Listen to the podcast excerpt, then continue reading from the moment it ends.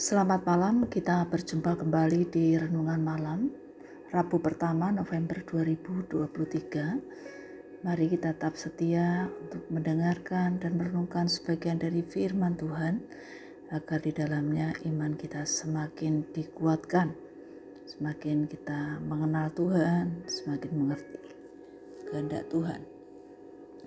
Sebelumnya mari kita berdoa Bapa yang di surga kami berterima kasih oleh karena pertolongan Tuhan kami dimampukan untuk menjalani kehidupan sepanjang hari ini. Tuhan kami mau belajar firman-Mu, mari Roh Kudus Tuhan menolong kami, membuat kami mengerti, membuat kami dapat menjalani hidup seturut dengan kehendak Tuhan. Terima kasih dalam nama Tuhan Yesus kami berdoa. Amin.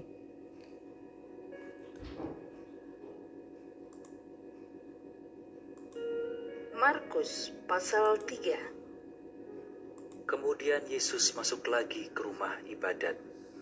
Di situ ada seorang yang mati sebelah tangannya. Mereka mengamat-amati Yesus. Kalau-kalau ia menyembuhkan orang itu pada hari Sabat, supaya mereka dapat mempersalahkan dia. Kata Yesus kepada orang yang mati sebelah tangannya itu, Mari, berdirilah di tengah. Kemudian katanya kepada mereka, Manakah yang diperbolehkan pada hari Sabat? Berbuat baik atau berbuat jahat?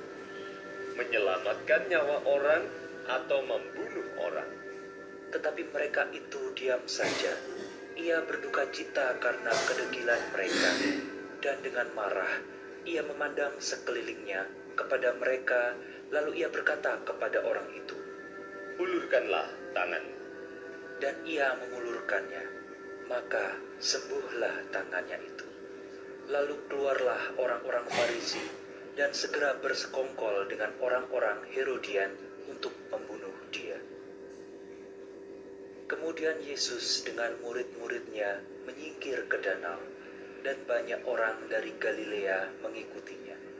Juga dari Yudea, dari Yerusalem, dari Idumea, dari seberang Yordan, dan dari daerah Tirus dan Sidon datang banyak orang kepadanya. Sesudah mereka mendengar segala yang dilakukannya, ia menyuruh murid-muridnya menyediakan sebuah perahu baginya, karena orang banyak itu, supaya mereka jangan sampai menghimpitnya. Sebab ia menyembuhkan banyak orang, sehingga semua penderita penyakit berdesak-desakan kepadanya, hendak menjamahnya. Bila mana roh-roh jahat melihat dia, mereka jatuh tersungkur di hadapannya dan berteriak,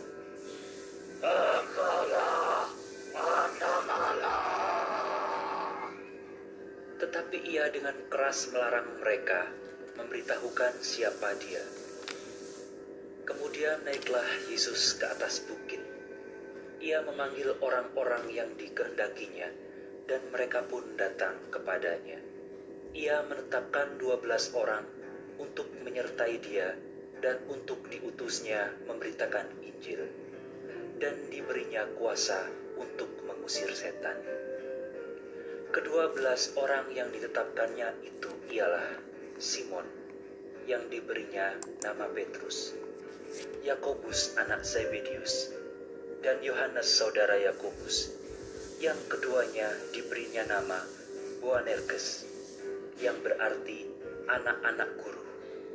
Selanjutnya Andreas, Filipus, Bartolomeus, Matius, Thomas, Yakobus anak Alfeus, Tadeus, Simon orang Selot, dan Yudas Iskariot yang mengkhianati dia. Kemudian Yesus masuk ke sebuah rumah. Maka datanglah orang banyak berkerumun pula sehingga makan pun mereka tidak dapat. Waktu kaum keluarganya mendengar hal itu, mereka datang hendak mengambil dia, sebab kata mereka, ia tidak waras lagi. Dan ahli-ahli Taurat yang datang dari Yerusalem berkata, Ia kerasukan Beelzebul, dan dengan membunuh setan, ia mengusir setan. Yesus memanggil mereka, lalu berkata kepada mereka dalam perumpamaan, Bagaimana iblis dapat mengusir iblis? Kalau suatu kerajaan terpecah-pecah, kerajaan itu tidak dapat bertahan. Dan jika suatu rumah tangga terpecah-pecah, rumah tangga itu tidak dapat bertahan. Demikianlah juga kalau iblis berontak melawan dirinya sendiri, dan kalau ia terbagi-bagi, ia tidak dapat bertahan, melainkan sudahlah tiba kesudahannya. Tetapi tidak seorang pun dapat memasuki rumah seorang yang kuat untuk merampas harta bendanya apabila tidak diikatnya dahulu orang kuat itu. Sesudah itu, barulah dapat ia merampok rumah itu. Aku berkata kepadamu, sesungguhnya semua dosa dan hujat anak-anak manusia akan diampuni. Ya, semua hujat yang mereka ucapkan. Tetapi apabila seorang menghujat Roh Kudus, ia tidak mendapat ampun selama-lamanya, melainkan bersalah karena berbuat dosa kekal. Ia berkata demikian karena mereka katakan bahwa ia kerasukan roh jahat. Lalu datanglah ibu dan saudara-saudara Yesus. Sementara mereka berdiri di luar, mereka menyuruh orang memanggil dia. Ada orang banyak duduk mengelilingi dia. Mereka berkata kepadanya, Lihat, ibu dan saudara-saudaramu ada di luar dan berusaha menemui engkau. Jawab Yesus kepada mereka, Siapa ibuku dan siapa saudara-saudaraku? Ia melihat kepada orang-orang yang duduk di sekelilingnya itu dan berkata, Ini ibuku dan saudara-saudaraku.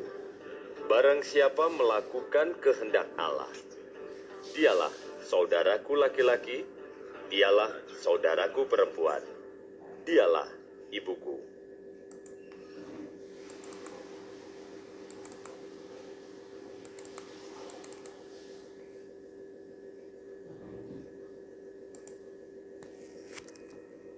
Ada alasan yang jelas untuk apa Yesus naik ke bukit. Dalam bacaan sebelumnya, kita melihat orang banyak berkerumun di sekelilingnya. Setiap kali dia menghabiskan waktu di sekitar pemukiman, orang-orang akan berbondong-bondong mendatanginya. Yesus melayani masyarakat secara umum dengan berkhotbah, memberitakan firman Tuhan pada orang banyak. Namun sebagian besar waktu Yesus dihabiskan bersama murid-murid pilihannya, mengajar dan melatih mereka sehingga mereka siap untuk melaksanakan misi yang dia berikan kepada mereka.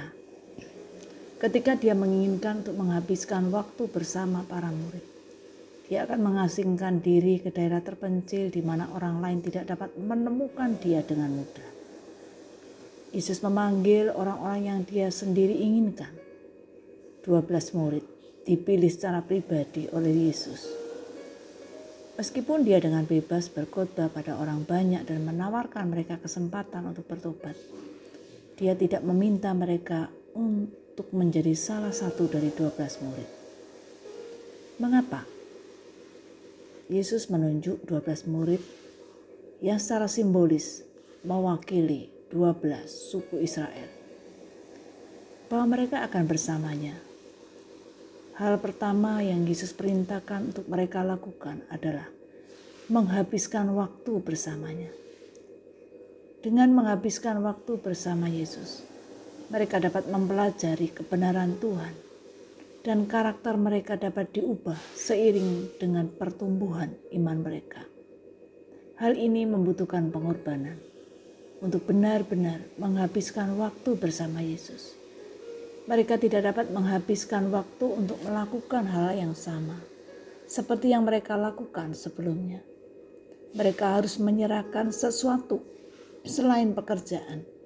Mereka memberikan waktu bersama keluarga, waktu pribadi, dan mereka tidak dapat menghabiskan waktu yang diperlukan untuk bersama Yesus dan terus menjalani kehidupan yang sama seperti sebelumnya.